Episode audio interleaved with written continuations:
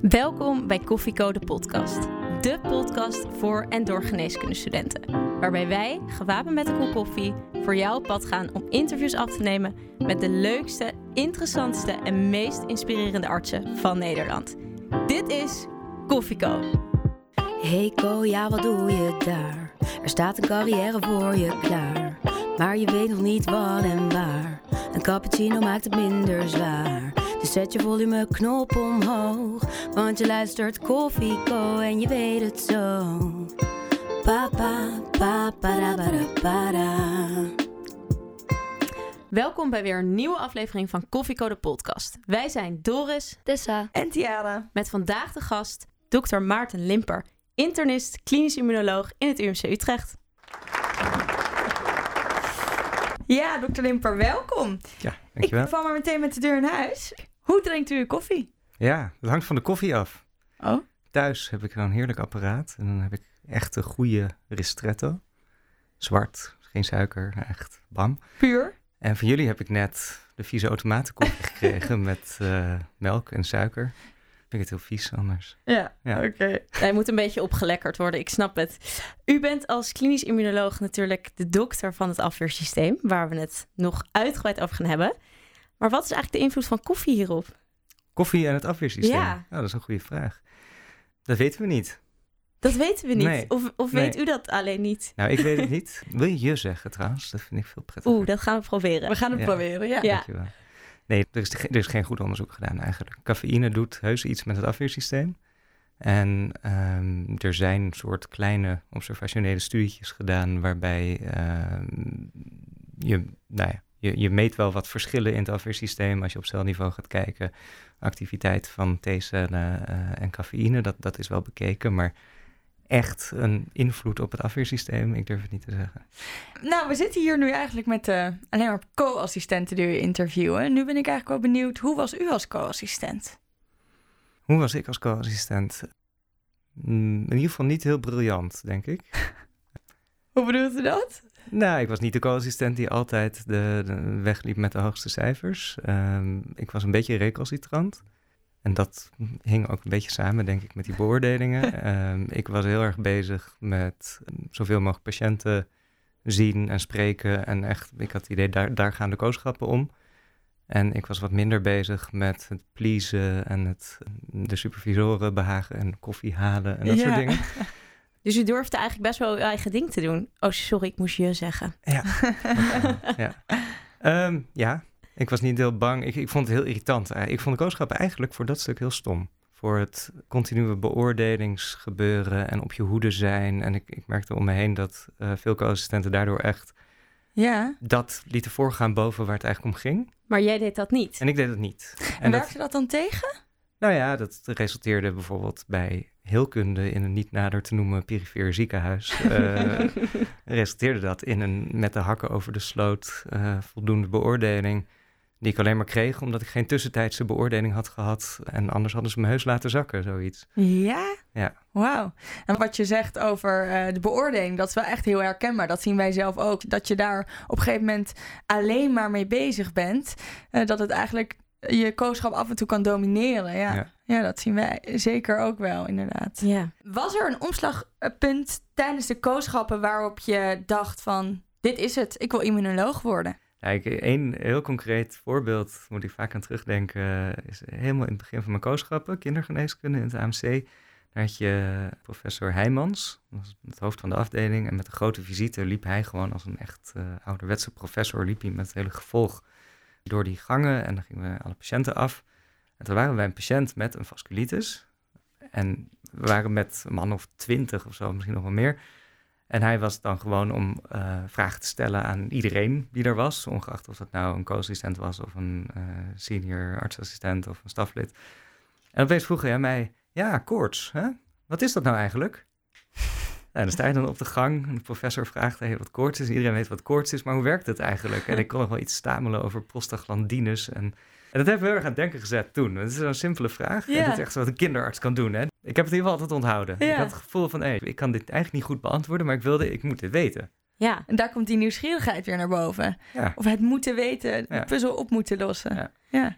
En doe je dat dan zelf ook wel eens als er nu bijvoorbeeld een co-assistent met jou meeloopt? Zo'n soort vraag stellen? Ja, dat gaan jullie merken. uh, ja, tuurlijk. tuurlijk. Ik hoop dat dat soort vragen prikkelend is. En dat het is veel makkelijker om dingen uit te gaan leggen. Ja. gewoon maar lekker een bandje af te draaien, zeg maar. Van nou, dit weet ik allemaal, hier heb je, doe er wat mee. Maar ik denk niet dat dat echt tot kennisoverdracht, dat is geen kennisoverdracht. Nee. Dus daar ben je wel mee bezig? Ja. Met het begeleiden van co-assistenten ja, het en het prikkelen van co-assistenten. Ik hoop het. Ja. Lopen er eigenlijk veel co-assistenten mee uh, op de klinische immunologie? Jawel. Ja? Ja, ja we hebben altijd, uh, eigenlijk altijd doorlopend één of twee co-assistenten op de afdeling. En op de poli hebben we vaak oudste co's, dus hoe heet dat hier, semi-artsen. Ja. ja. Die ook echt meedraaien, patiënten meezien, zelf zien. Oké. Ja. En je zegt net heel duidelijk tegen ons, eigenlijk voor het interview ook al een paar keer, dat we echt geen u mochten zeggen. Ben je een beetje hiërarchisch ingesteld of mogen alle co-assistenten ook gewoon jij zeggen? Ja, ja, ik wil dat iedereen jij zegt. Ik vind die hiërarchie enorm beperkend. Nou ja, dat gaat een beetje terug naar die kooschappen waar ik over vertelde. Ik, ik, ik denk dat het heel erg in de weg zit en dat er echt... Ik heb een keer meegemaakt, een heel ander soort hiërarchie, maar ik werkte op Curaçao in het ziekenhuis en daar was in mijn eerste week, en ik wist niks, was mijn eerste interne baan als zaalarts. En er lag een zaal met iets van 30 mannen, alleen maar mannen, de grote mannenzaal. En het was totaal onduidelijk wat al die mannen hadden, maar heel veel waren heel ziek. En ik wist niks. En er was een, een hoofdverpleegkundige van de oude stempel, met zo'n zo'n uh, mutsje op en uh, keurig in het pak. En die was tegen de pensioen en die wist alles. En die was gewoon zelf echt een halve dokter, al zo niet een hele dokter. En die kreeg het voor elkaar om mij iets helemaal fout te laten doen, wat zij gewoon zag gebeuren, waarvan achteraf bleek dat zij dat wist. En ik vroeg aan haar van, hey, maar waarom heb je dat niet even gezegd? Ja. En ze zei tegen ja, maar u bent de dokter. ik zei, ja, maar ja. dit is natuurlijk een heel extreem voorbeeld. Maar dit gebeurt ook uh, in de interactie tussen co-assistenten en, en stafleden en uh, supervisoren. Dat zit enorm in de weg. En ja. dat is voor ontwikkeling niet goed. Want als er zulke dingen in de weg zitten, ja, dan, dan heb je gewoon minder ruimte om uh, waar het om gaat. Gewoon met die patiënten praten en aan ze zitten en, en dingen uitzoeken. Dat, dat zit in de weg. En soms zie je gewoon dat co-assistenten uh, en verpleegkundigen en iedereen gewoon hele goede dingen zien. Maar denken van, hmm, ja, nou, ik zal, het zal wel kloppen. Ja. Of zo. En, en dan niet iets zeggen. Ja. Terwijl er eigenlijk hele nuttige informatie is of gevaarlijke dingen die voorkomen kunnen worden. Dus ik, ik vind het heel storend. De hiërarchie moet toch wel ergens goed voor zijn? Nou, weet ik niet. Zie je dat niet zo? Er is een, er is een soort er is een natuurlijke hiërarchie in de zin dat een senior staflid, uh, specialist, ja, die weet veel meer over bepaalde dingen dan een beginnende co-assistent. En ja, is dat hiërarchisch? Dat is een verschil in kennis. Maar waar het vaak om gaat is alsof je niet allebei meer mens bent. En er geen normale interactie mag zijn. Dat is het stuk van de hiërarchie waar ik echt geen boodschap aan heb. Nee. Nee, wij ook niet. Nou, mooi. we, zitten, we zitten helemaal op één lijn. Ja, zeker. ik ga toch beginnen over uw vakgebied, jouw vakgebied, namelijk de immunologie, de klinische immunologie. Weet je nog wanneer je daar voor het eerst mee in aanraking kwam? Ja, dat is heel duidelijk. Ik werd eigenlijk infectioloog. Want ik vond infectieziekten leuk. En ik Eigenlijk werd ik psychiater. Dat was het oorspronkelijke plan. en ik heb ook een tijdje de opleiding psychiatrie ook hier in Utrecht gedaan. Maar ik ben daarmee gestopt, omdat ik daarvoor... Ik wilde een heel biologisch georiënteerde psychiater worden. Dus ik wilde ook een stuk interne geneeskunde doen. En dat had ik daarvoor gedaan. Want ik had een soort wachttijd die ik moest overbruggen. En toen vond ik die interne geneeskunde wel echt heel erg leuk. En toen ben ik toch maar begonnen met die psychiatrie, want dat ging ik nou eenmaal doen. En toen, na een half jaar of zo, dacht ik, ja, ik moet gewoon die interne gaan doen, want dat vond ik echt leuker. En toen ben ik gestopt met die opleiding en toen ben ik terug naar de interne geneeskunde gegaan en ben ik in het Slootvaartziekenhuis uh, in Amsterdam terechtgekomen bij een internist, infectioloog, die ik uit de kooschappen kende. En nou, die heeft zich een beetje over mij ontfermd. Uh, ik kon daar aan de slag als agnio en uh, met hem onderzoek gaan doen. En dat ging over infectie. Vanuit die infectieziekte ging ik met hem mee naar Rotterdam, waar hij hoogleraar werd, om verder onderzoek te doen. En daar was ik ook in opleiding tot internist. En daar kwam ik voor het eerst de immunologie tegen. Want in andere ziekenhuizen had het helemaal geen prominente plek. In het AMC, waar ik opgeleid werd daarvoor, daar, daar was helemaal geen immunologie. En in Rotterdam is een hele sterke groep. En opeens merkte ik toen ik daar kwam van... hé, maar dit is eigenlijk waar alles samenkomt en wat ik wil doen. En toen ben ik vanuit de infectieziekte uiteindelijk naar de immunologie geswitcht. En, uh, En wat trok u dan het. zo erg in de immunologie? Ik denk dat het vak is waar je als internist nog ehm, echt internist kan zijn. Waarbij eh, het afweersysteem zit natuurlijk, het zit overal. Dus mijn patiënten, eh, die hebben alles wat je kan bedenken. Elk orgaan kan meedoen en het kan, kan allemaal super complex worden. En daardoor word je gedwongen als, als behandelaar om echt naar je patiënt te kijken. En niet naar een deelgebiedje, een, een, een stukje, een orgaan, maar gewoon naar de patiënt.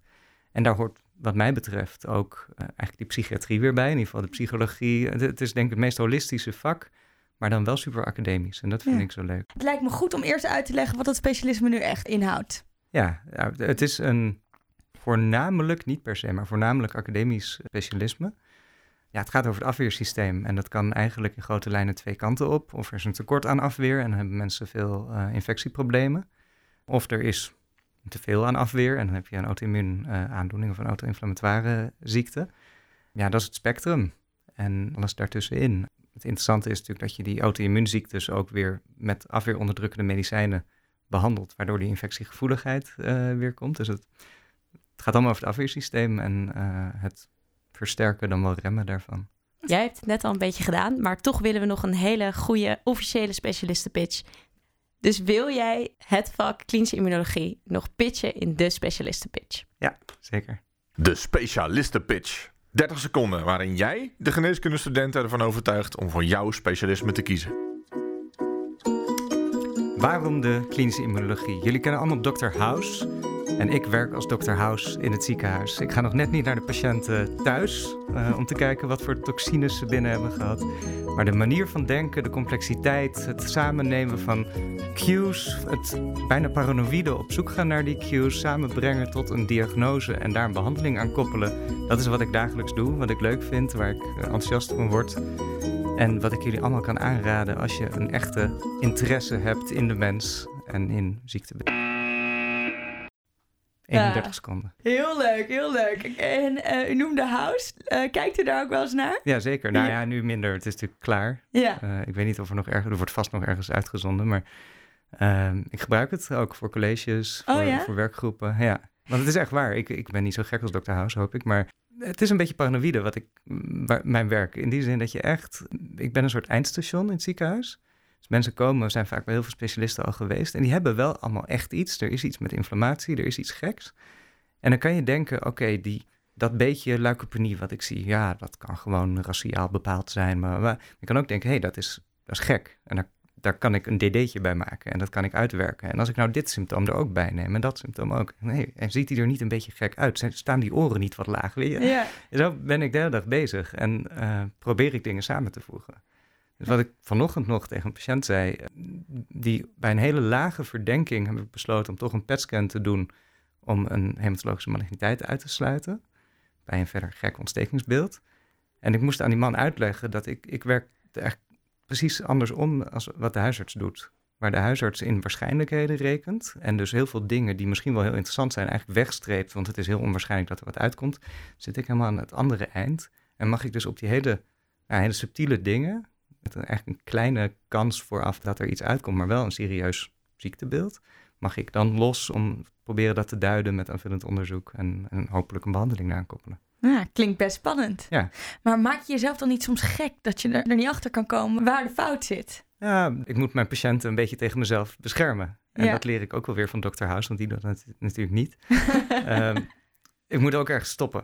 En ik moet heel goed, zoals elke dokter, wat je ook gaat doen, eh, je moet altijd bij elk aanvullend onderzoek moet je afvragen, oké, stel dat dit eruit komt, verandert dat mijn beleid?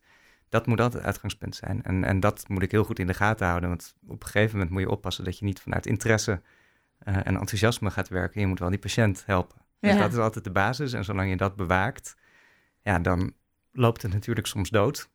Ja. Dat is zo. Maar dan heb je in ieder geval alles eraan gedaan wat logischerwijs mogelijk is. En dan moet je kijken hoe je verder gaat. Gebeurt het nou vaak dat jullie echt de oorzaak niet vinden? Jawel. Ja? Ja, je moet je voorstellen dat wij mensen zien. en kijk, sommige mensen die komen gewoon met een, een vlindervormig exantheem in het gelaat en artritis en eh antidubbelstrengs DNA wat hoog is en complementverbruik en proteinurie. Ja, die hebben SLE. Ja. En dan weet iedereen het en dat is gewoon tekstboek. En, en die zijn er gelukkig ook, om het af en toe iets minder spannend te maken. Maar sommige mensen die komen voor een uh, seventh opinion, uh, zijn in drie verschillende buitenlanden geweest. En die komen toch nog eens een keer bij mij langs om te kijken of er niet toch iets is. Ja, natuurlijk is de kans dat ik daar iets vind, is veel en veel kleiner. Ja. En dan gebeurt het heel vaak dat ik, dat ik het ook niet weet. Natuurlijk. En u noemde net al SLE. Uh, welke ziektebeelden komen er het meeste voor bij u op de afdeling? Nou, op de afdeling is heel breed. Op mijn poli is, wij werken samen met de reumatologen. We zijn een afdeling reumatologie en klinische immunologie. En we hebben allemaal daar onze eigen voorkeurspatiënten, uh, patiënten waar we de meeste expertise in hebben. Uh, bij mij is dat SLE bijvoorbeeld. Ik zie veel SLE-patiënten, patiënten met antifosfolipide-syndroom, wat een beetje tegen SLE aanzit. Veel patiënten met vasculitis, kleine vatenvasculitis, uh, dus de wegener van, van vroeger. auto-inflammatoire ziektes, dus koortssyndromen en mensen met immuundeficiënties, dus humorale afweerstoornissen. Um, ik zie in principe geen patiënten met reuma. Dat, dat wordt echt meer bij de reumatologen of jicht of Ah, spondielartropathie. En wat is de zeldzaamste diagnose die u ooit uh, heeft gesteld? oh jee. Ja, ik denk een traps. Dat is een koortssyndroom, genetisch wel te bevestigen. Ja. Um, ja, ik denk daaraan omdat het een patiënt is van vanochtend. Maar... het is in ieder geval heel zeldzaam. Ja. Yellow nail syndrome, denk ik. Oh, Ja. wat houdt dat in? Heel Nou, kort? gele nagels. Ja? nee, het is een gek immunologisch beeld met ook een, een afweerstoornis, maar dus ook echt met gele nagels. Ziet er heel gek uit. Oh, bizar. En ook longbetrokkenheid met een soort gilles uh, in, de, in de longen. En dus veel infectieproblemen. En dat is echt vreselijk zeldzaam. Kende je dat ziektebeeld of vergt dat heel veel literatuuronderzoek? Uh, nou, op zich, die, die nagels die vallen zo op dat als je gaat googlen op yellow nail, dan, dan kom je er gewoon. Oh, ja. Ik had het in Rotterdam een keer eerder gezien. Bij de andere Nederlandse patiënt, want zo is het ongeveer. Er zijn er misschien vier in Nederland of zo. En toen deze man bij mij op de podium kwam, ja, was het redelijk duidelijk. Het gaat inderdaad om patiënten helpen en dat speelt natuurlijk altijd op de voorgrond. Maar het geeft denk ik ook wel echt een kick als je dan zo'n diagnose kan stellen. Vooral Ja. als het echt een seventh opinion is. Ja. Hoe voelt dat? Ja, dat is natuurlijk superleuk. Maar het is toch wel, ja, het, het klinkt wel heel altruïstisch en, en heilig. Maar als je er dan wat mee kan doen voor die patiënt, dan is het leuk. Ja, Dus zoals deze nail meneer, die is eigenlijk niet goed te behandelen. Ja. En dat eigenlijk liever dat ik een iets minder zeldzame eh, ziekte vaststel, die ik heel goed kan behandelen en dat iemand daardoor gewoon weer verder kan met zijn leven. Dat is toch echt wel de basis. Gelukkig. Ja, En als je kijkt naar een klinisch immunoloog, is daar een bepaald stereotype? Wat voor karaktereigenschappen moet je bezitten als klinisch immunoloog? Eh, nieuwsgierigheid, denk ik. Ja? Als voornaamste. En er zijn niet zo heel veel klinisch immunologen. Dus als ik die zo, zo in mijn hoofd naast elkaar zet eh, in Nederland, dan zijn dat echt totaal uiteenlopende types. Maar het zijn allemaal wel echt internisten van, van de oude stempel. Mensen die niet heel snel zullen zeggen van hé, dat hoort niet op mijn vakgebied. En dat komt denk ik door een bepaalde nieuwsgierigheid naar de mens en naar wat er speelt en, en hoe je het op gaat lossen. Dus een nieuwsgierigheid en gedrevenheid. Ja. Ik vind het he- heel complex, alle termen, als ik ze zo hoor. Moet je een beetje nerdy zijn? Ja, dat heb ik wel eens een keer eh, gezegd ergens. Dat heb ik inderdaad gelezen. Dus dat vind ik wel. Ja. Ehm, je moet in ieder geval niet bang zijn voor complexiteit. En je moet een beetje wel, je moet zo'n tekstboek immunologie op een gegeven moment wel een beetje kunnen lezen en begrijpen. Dat helpt voor je eh, gedachtenvorming. Ja, en dat is een beetje nerdy. Je, Ja. je moet dat wel leuk vinden. Je moet het, het interessant vinden dat er in een cel, gewoon cel-cel interactie, hoe dat werkt. En dat je om, om een T- en een B-cel eh, aan elkaar te koppelen, dat je receptoren hebt en co-stimulatie. En dat dat werkt. Als je dat niet leuk vindt, dan, dan wordt het niks in dit vak. Ja. Ja, dat is een beetje nerdy. Ja. Bij jou spat het er in ieder geval van af. Want eh, de luisteraars kunnen het niet zien. Maar eh, sinds je bent begonnen te praten over je vakgebied, straalt het aan alle kanten. dat is heel leuk. Het om is te echt zien. heel leuk om te zien inderdaad. Maar is er ook een misvatting over jouw vakgebied? En waar denk je aan dan? Ja, dat weet ik niet. Ik denk bijvoorbeeld dat je briljant moet zijn om klinisch immunoloog te worden. Ja, nou, misschien is dat wel een misvatting, ja. Misschien ook Ehm, niet. Misschien moet je ook echt de briljantste zijn. Nee, dat, ik denk ik af. niet. Dat denk ik niet. Je moet dus een beetje nerdy zijn en, en je moet wel goed kunnen denken, maar dat kunnen alle dokters wel, want anders was je nooit zo ver gekomen. en ik denk wel dat de immunoloog in het ziekenhuis vaak gezien wordt als de briljante dokter. En dat komt denk ik vooral omdat iedereen vindt die immunologie altijd heel moeilijk. Ja, En die tekstboek immunologie Wij is ook, ook. moeilijk, want je kan het niet lezen. Het zit vol met als dit dan dat en als dit dan dat, maar als dit dan dat. Mhm. En dat kun je niet begrijpen. Dat komt omdat uiteindelijk die tekstboeken ook maar het is een soort 2D-versie van hoe het echt is. Het enige nut van zo de immunologie uit elkaar trekken is dat je pathways kan identificeren, waardoor je bijvoorbeeld kan begrijpen hoe medicatie werkt en waarom je daar gaat remmen en niet daar. En, nou, dus dat heeft zijn nut en het brengt je heus wel verder. Maar die boeken die zijn geschreven alsof als je het uit hebt, dat je dan het hele overzicht hebt. Maar niemand heeft dat overzicht. Nee. Maar dat zegt niemand ooit. Daar zou je een soort heel ingenieus computermodel voor moeten maken, wat met artificial intelligence, wat wij helemaal niet kunnen begrijpen, want het is te groot. Ja. En omdat wij gewend zijn om ermee te werken, en natuurlijk als je vaker dat de tekstboek doorleest en zelf lesgeeft daarin, ja, dan wordt het allemaal wel ietsjes makkelijker. Maar echt niet dat ik zo nu even de immunologie uit kan leggen in zijn geheel, dat kan niemand. Maar omdat wij daar iets meer, net, net iets dieper in zitten, Ja. lijkt het al heel wat. En, en denkt iedereen van, oh jeetje, dat is allemaal hartstikke ingewikkeld. Het is niet zo heel ingewikkeld uiteindelijk. Heb je een tip voor de geneeskundestudenten die nu aan het luisteren zijn, hoe ze dan het beste die materie kunnen begrijpen? Nou ja, wat, wat mij altijd helpt, is om bij de patiënt te beginnen. En inderdaad te kijken naar, oké, die, die patiënt heeft dit ziektebeeld. En daar krijgt hij deze medicijnen voor. Waar zit dat? Waar, waar remt dat? En waarom is daarvoor gekozen? En dan kun je zo terug gaan redeneren naar meer de basale kant. Mhm. En als je dat met een aantal patiënten doet en je hebt die vignetten goed in je hoofd en je kan die medicijnen onthouden, of in ieder geval de pathways onthouden, ja, dan kan je makkelijk terugredeneren naar waar het eigenlijk vandaan komt. Oké. Dat, dat heeft mij altijd wel geholpen. begin bij de patiënt. Ja. Ja. En ja, eindig bij de patiënt. eh, Ja. geheugen, ja. En welke specialismen komen jullie nog meer mee in aanraking? Ja, alle eigenlijk. ja. Maar dat is ook wel een van de leuke aspecten van mijn werk. Wij werken heel consultatief, omdat onze patiënten dus echt in elk orgaansysteem problemen kunnen krijgen. We hebben een paar hele vaste lijntjes, dus we werken heel veel met de oogartsen, zeker in ons ziekenhuis. We hebben oogartsen die heel veel uveitis eh, zien. Dat is een auto-immuunaandoening, althans als infectie uitgesloten is. Dat kan het een onderdeel zijn van een systeemziekte, ongeveer de helft van de gevallen en de andere helft niet. En de behandeling is wel immuunsuppressief. Dus wij, help, wij zien heel veel patiënten met uveitis om te kijken van is het alleen het oog of is er een systeemziekte. En we begeleiden ze dan ook voor behandeling eh, als het ingewikkeld wordt. Dus dat, daar zien we heel veel patiënten samen. Eh, hetzelfde gaat voor de dermatoloog. Heel veel huidproblemen zijn een uiting van een systeemziekte. KNO-artsen die zien heel veel patiënten die uiteindelijk eh, bij ons belanden. Maar eigenlijk uiteindelijk in het ziekenhuis, we komen overal. Veel op de IC ook, bij echt hele zieke mensen met enorme ontstekingsbeelden, zonder dat duidelijk is waar het vandaan komt. Dus wij zijn extreem consultatief. Ja. En over die patiëntcontacten. Het zijn natuurlijk veelal mensen met chronische ziektes, een auto-immuunziekte. Zijn dat langdurige patiëntcontacten daarvoor? Of ziet u patiënten ook wel eens heel kort? Hoe zit dat? Ik zie veel patiënten voor een second opinion. En eh, het idee van een second opinion is dat je één of twee keer meekijkt en de patiënt weer Ja. terugstuurt. Dus dan is het kort. En de andere groep zijn inderdaad over het algemeen chronische patiënten, die ik echt soms jarenlang eh, volg. En dan soms één keer per jaar, afhankelijk van het ziektebeeld. Soms vier keer per jaar, soms heel frequent. En waarbij je inderdaad van alles meemaakt. eh, Lijkt me wel dat je dan met zo'n patiënt echt een band kan gaan opbouwen. Zeker. Ja, en hoe meer je meemaakt, hoe heftiger het ziektebeeld, hoe heftiger de behandeling, hoe, hoe meer die band wordt ook. Ja. Raakt u wel eens geëmotioneerd bij de patiënt? Nou, ja, tuurlijk. Ja, wat is geëmotioneerd? Eh, ik, ik denk nu aan huilen en dat soort dingen. Nou, dat, dat niet zo snel. Heus wel dat ik ook dingen mee naar huis neem als er iets heftigs gebeurt. Of juist iets heel leuks. Ja. Dat, dat zeker ook. Dus ja, tuurlijk raak ik geëmotioneerd. Ik ben heel betrokken bij mijn patiënten. En als er dan iets onverwachts gebeurt, negatief of positief, dan, eh, dan raakt me dat.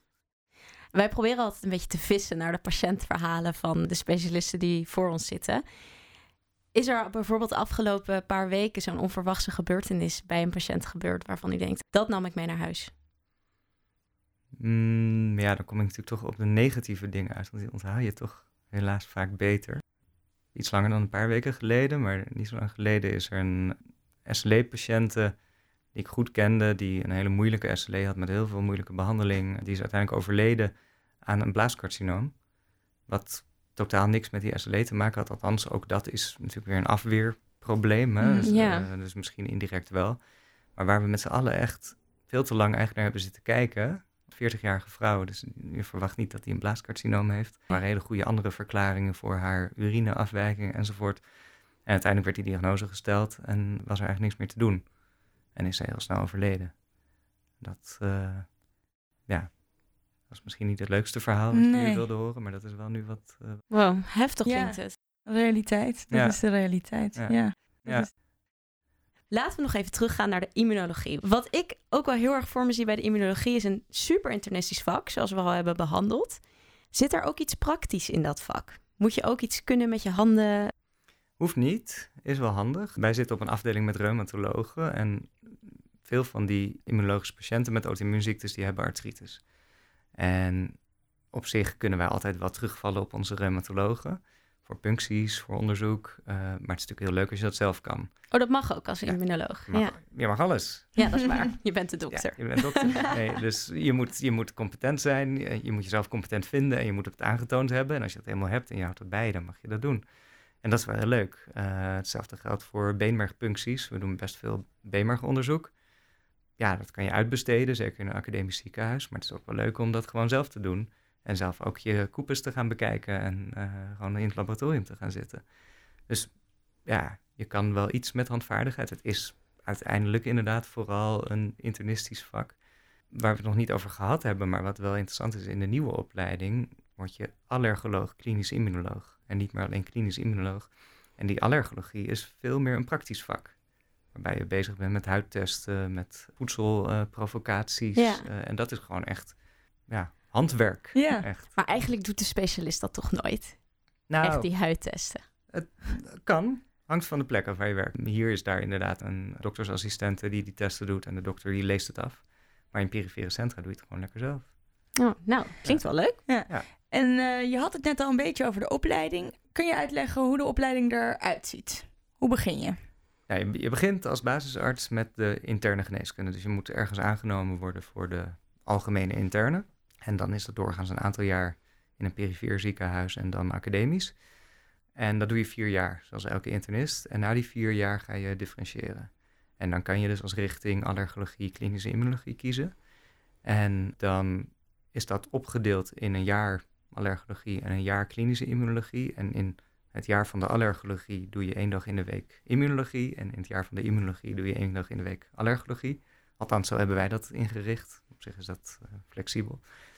Ja, en dan probeer je in die hele korte tijd, die het eigenlijk is, probeer je dat hele vak ja, binnen te halen. Ja. Dus dat betekent dat je een, een labstage doet, dat je echt in het laboratorium gaat kijken van nou, hoe, hoe worden die testen gedaan, hoe werkt dat praktisch. Dat je een stuk van de zaal in ieder geval als supervisor moet zien, dat je de opgenomen patiënten uh, begeleidt. Dat je veel poli doet. En bij de allergologie dat je ook inderdaad echt veel uh, de praktische dingen meemaakt. En het is vooral gewoon heel veel vlieguren. Ja. patiënten zien, podi, consulten door het hele ziekenhuis, die IC-patiënten met die gekke beelden. En dan hoop je dat je na twee jaar een beetje voldoende hebt gezien om het daarna voorzichtig zelf te doen. De co-telefoon.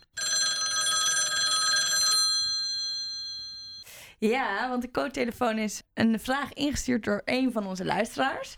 En even kijken, die luidt vandaag als volgt. Is er plaats voor alternatieve behandelingen in jouw vakgebied, zoals acupunctuur? Ja, mooie vraag. Nou ja, of je het wil of niet, het gebeurt. Dus je kan zeggen er is geen plaats, maar je patiënten doen het toch. Acupunctuur is denk ik totaal onschadelijk. Daar, daar kun je, zolang dat niet heel vies gebeurt met infecties en zo, denk ik niet dat daar iets uh, mis kan gaan. Dus ik heb daar nooit bezwaar tegen. En ik heb heel veel patiënten, zeker die patiënten met chronische ontstekingsziektes die dan technisch wel in remissie zijn. Dus dan heb ik niet zoveel aan te vullen. Dan ben ik als dokter tevreden. Hebben die mensen heel vaak nog heel veel klachten waar ik niet zo heel goed dan verder kan behandelen. Vaak toch wel spierklachten, gewrichtsklachten, vermoeidheid. En die mensen die zoeken vaak alternatieve geneeswijzen op. Ik hoop altijd dat mensen dat gewoon met mij delen. Dat het gesprek dusdanig open is, dat ze zich veilig voelen, dat ze erbij zijn. Dat ze durven te bespreken wat ze doen. Merk je dat dat niet zo is dan? Ik merk dat veel mensen dit wel met mij bespreken. Veel mensen doen het ook, doen van alles. En ik probeer dan altijd met die mensen na te gaan. Oké, wat is het precies? Want je moest eens weten wat er allemaal bestaat. Het is echt de meest mystieke dingen. En per cultuur weer anders. En, En dan probeer ik te kijken, oké, vind ik dit veilig? Want dat vind ik altijd belangrijk. Uh, als ik het idee heb dat er echt een gevaar is en ik kan dat onderbouwen, dan probeer ik mensen op andere ideeën te brengen. Maar het meeste van die dingen is gewoon in ieder geval niet duidelijk schadelijk. Nou ja, en als mensen daar dan wel bij varen, en, ja, dan, wie ben ik om dat dan uh, niet goed te vinden? Ja. En dan vertel ik ze dan ook. En, en dan heb je ook een open gesprek. En ik heb absoluut mensen die zeggen van, nou, sinds ik dat en dat doe, en de meest rare dingen, voel ik me tien keer beter. Nou ja, dan ben ik alleen maar blij en dan vind ik het prima. Ja. Ik, ik heb nooit iemand verwezen naar een acupuncturist. Dat, uh, nee. dat dan weer niet. Nee, dus het werkt wel af en toe. Of ja. gelooft u daar niet in? I don't know. Weet je, ik weet het niet. Ik weet niet. Het is, ik denk dat heel veel werkt. Ik denk het feit dat ik in een academisch ziekenhuis zit met een witte jas aan, met een entourage, dat dat werkt. Zonder dat ik ook maar iets heb gezegd nog. zonder pil. Ik denk dat er enorm placebo-effect is in heel veel, in medicijnen, maar ook in alle andere dingen die we doen. In het uh, elk, elk kwartaal bloed prikken, daar worden mensen ook beter van, denk ik. En ik denk dat ook zo alternatieve geneeswijzen een rol kunnen hebben. En of dat alleen maar placebo is, of dat er ook iets werkelijk verandert, ja, I don't know. Nobody Maakt knows. ook niet uit. Nee. Maakt ook niet uit. Als mensen beter worden, dan, dan is het goed. Daar gaat het allemaal om, inderdaad. Voordat de co-telefoon ging, hadden we het nog even over de opleiding. Wat ik altijd interessant vind om te weten is of het nou moeilijk is om binnen te komen bij een vakgebied. De eerste richting waar je voor moet kiezen is de interne. Hoe is die selectie? Is het moeilijk en was dat voor jou moeilijk om binnen te komen? Ja, verschilt per centrum, verschilt per tijd ook. Dus er is gewoon per ronde, en er zijn twee rondes per jaar uh, meestal, zijn er meer of minder plekken. En dat wordt landelijk bepaald en van tevoren en dat loopt altijd achter de feiten aan. Dus daar, daar begint het. En dan is het altijd wat makkelijker in Groningen uh, om, om erin te komen of in Maastricht dan in de Randstad. Omdat er gewoon meer mensen in de. Randstad uh, willen werken. Ik heb redelijk lang als agnio gewerkt, of als anios heet dat nu, hè? en onderzoek gedaan. Toen heb ik op een gegeven moment, toen, toen mijn, mijn, proefschrift redelijk af was, toen heb ik gesolliciteerd. En dat is een goed moment. En uh, ja. ja. toen werd ik aangenomen. En dat was wel een uh, volle selectie. Er waren veel, veel mensen voor weinig plekken. Dat was in Amsterdam, wat denk ik tot nu nog steeds de, nou ja, relatief de, de drukste plek is. Populairste plek? Ja. ja. Hm. ja. Goed om te weten. Ja, en wat voor kwaliteiten moet je dan bezitten als AJOS, of als je AJOS wilt worden, om binnen te komen? Ja, dat is heel ongrijpbaar. Dat weet ik niet. Ik denk dat je, je moet een cv hebben, toch, met iets, iets interessants. En kijk, iedereen is basisarts. Je moet zorgen dat je iets op je cv hebt wat, wat, er, wat er uitspringt, wat er anders is. Een stage in een weeshuis in Malawi is dat niet.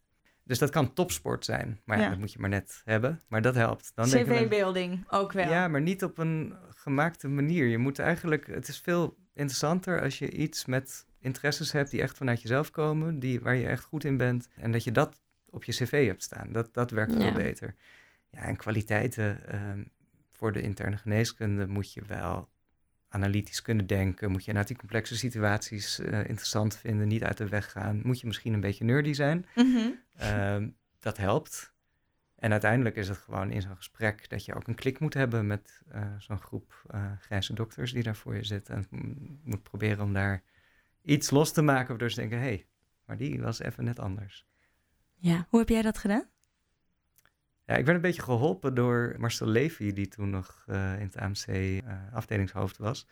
Die vond het leuk om, als er iemand binnenkwam bij zo'n gesprek, om eventjes even te schudden. Even, even iemand op een verkeerde been te zetten. En, en die begon dus, uh, ik had natuurlijk netjes een pak aangedaan en een stropdas om, wat ik verder niet zo heel vaak doe. En die begon dus met, goh, dat, dat pak, is dat, is dat van jou eigenlijk? Is dat je eigen pak? Heb je, draag je eigenlijk wel eens een pak? En ik, ik vond dat, uh, daar kan je natuurlijk helemaal denken, oh jee, oh, rood worden. En, uh, en ik vond dat een hele mooie ijsbreker. Ik, weet, ik had een heel verhaal. Ik heb als, als bijbaantje heel lang bij uh, Sotheby's gewerkt, het Veilinghuis. Dan had ik altijd heel netjes een pak aan. Dus dan konden we daar gelijk over gaan praten. En, ja. Dus ja. Zo was het ijs gebroken. Ja. Ja, oké. Okay. Ja. Laten we het nog even hebben over de toekomst. De toekomst voor jouw vakgebied. Wat is nou echt een droom voor jou die uit zou kunnen komen in de toekomst wat betreft de klinische immunologie? Uh, wat een van de hypes, modewoorden van de laatste tijd is, is die personalized medicine. En dat zie je bijvoorbeeld in de hematologie en de oncologie, zie je dat eigenlijk wel ook meer en meer. Dat er op, echt op genniveau gekeken wordt en behandeling daarop wordt aangepast. Ik denk, ik hoop, maar ik denk ook wel dat dat bij de immunologie ook kan, binnen afzienbare tijd. En dat je, wat we nu doen, is heel kunstmatig. We hebben allemaal constructen gemaakt en dat noemen we een bepaalde ziekte. Maar die ziektes zijn zo complex dat de, de ene SLE-patiënt is totaal anders uh, dan de volgende. Maar we noemen het allebei SLE en we behandelen het eigenlijk hetzelfde. En dat is natuurlijk, dat klopt niet. En wat je heel veel ziet bij uh, mensen met auto-immuunziektes, is dat er overlap is. Dan heb je iemand met de ziekte van Sjögren, maar ook kenmerken van sclerodermie. En dan noemen we het een overlapsyndroom. Nee, dat klopt natuurlijk niet. en uh, is nou het meeste Sjögren? Nou, dan doen we dat alsof het Sjögren is. Maar na een paar jaar, nee, het is eigenlijk toch meer sclerodermie.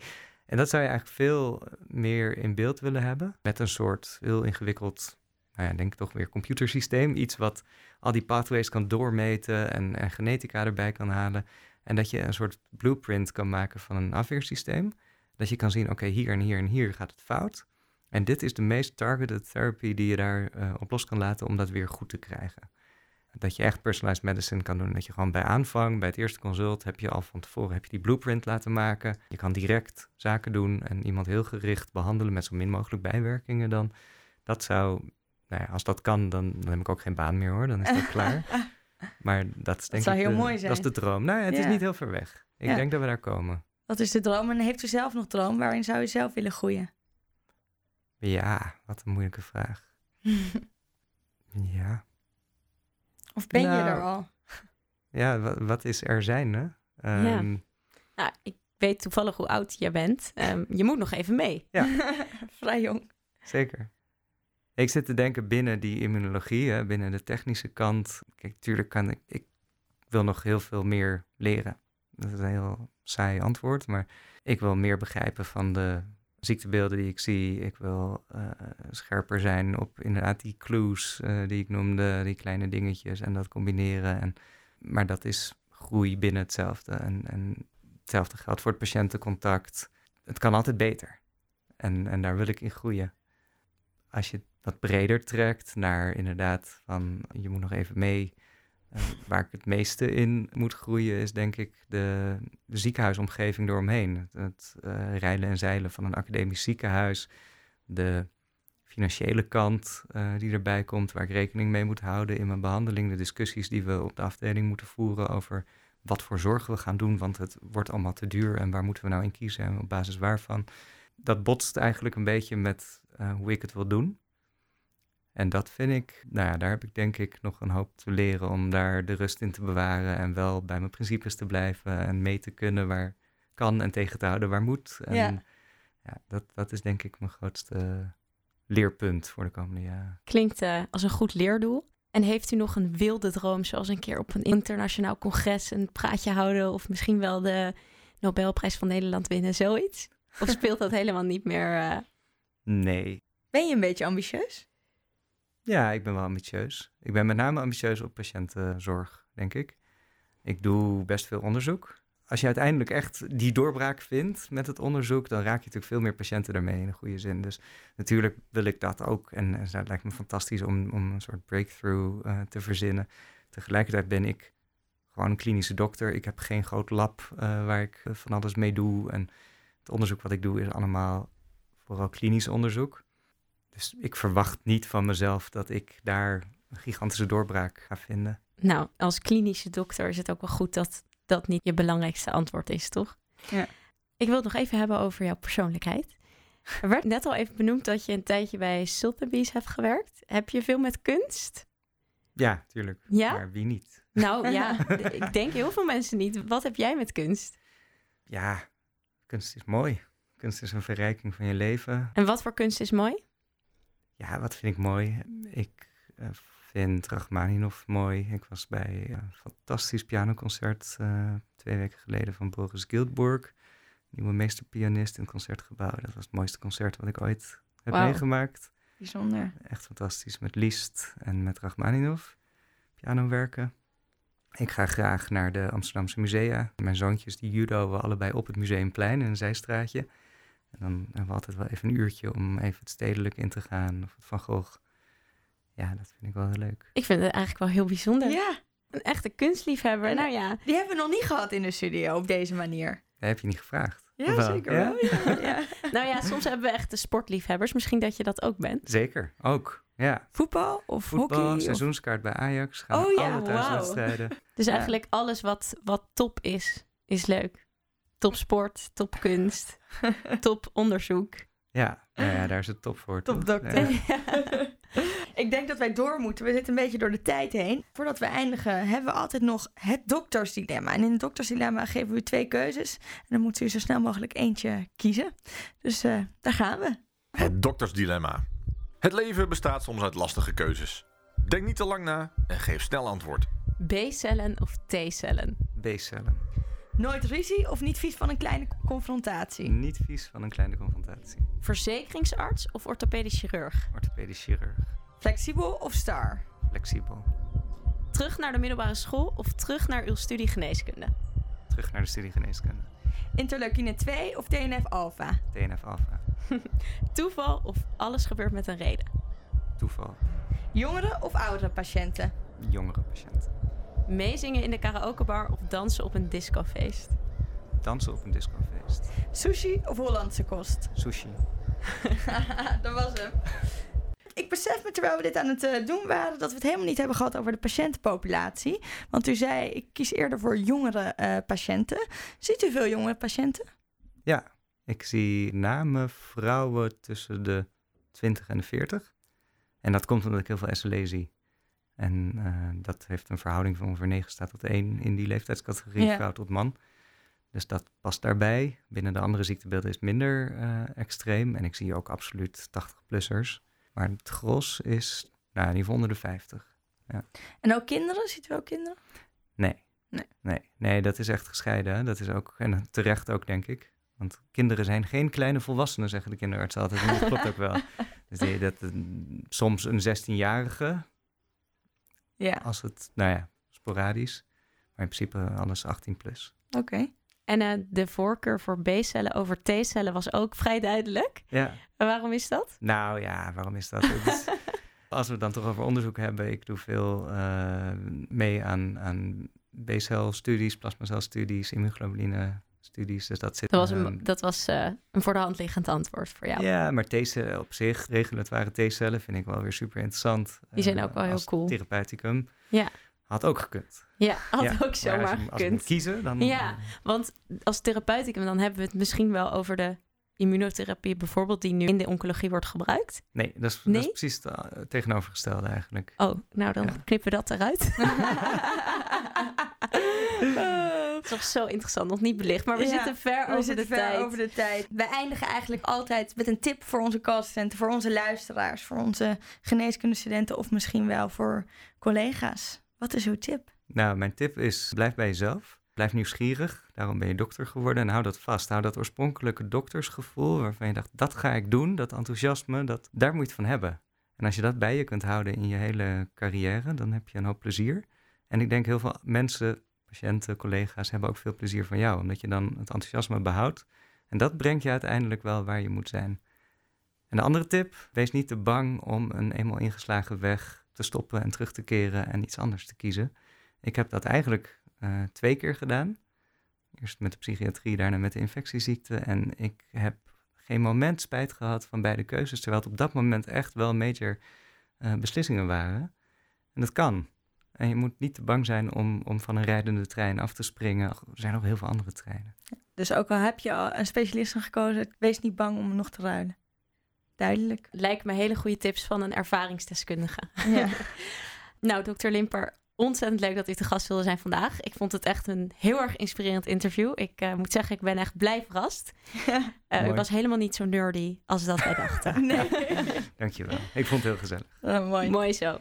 Ja, heel erg bedankt. En lieve luisteraars, jullie ook weer bedankt voor het luisteren. Volg ons op onze sociale kanalen. Heb jij een vraag, stuur hem in. En misschien ook wel leuk, laat een review achter. Dank jullie wel. Tot de volgende keer.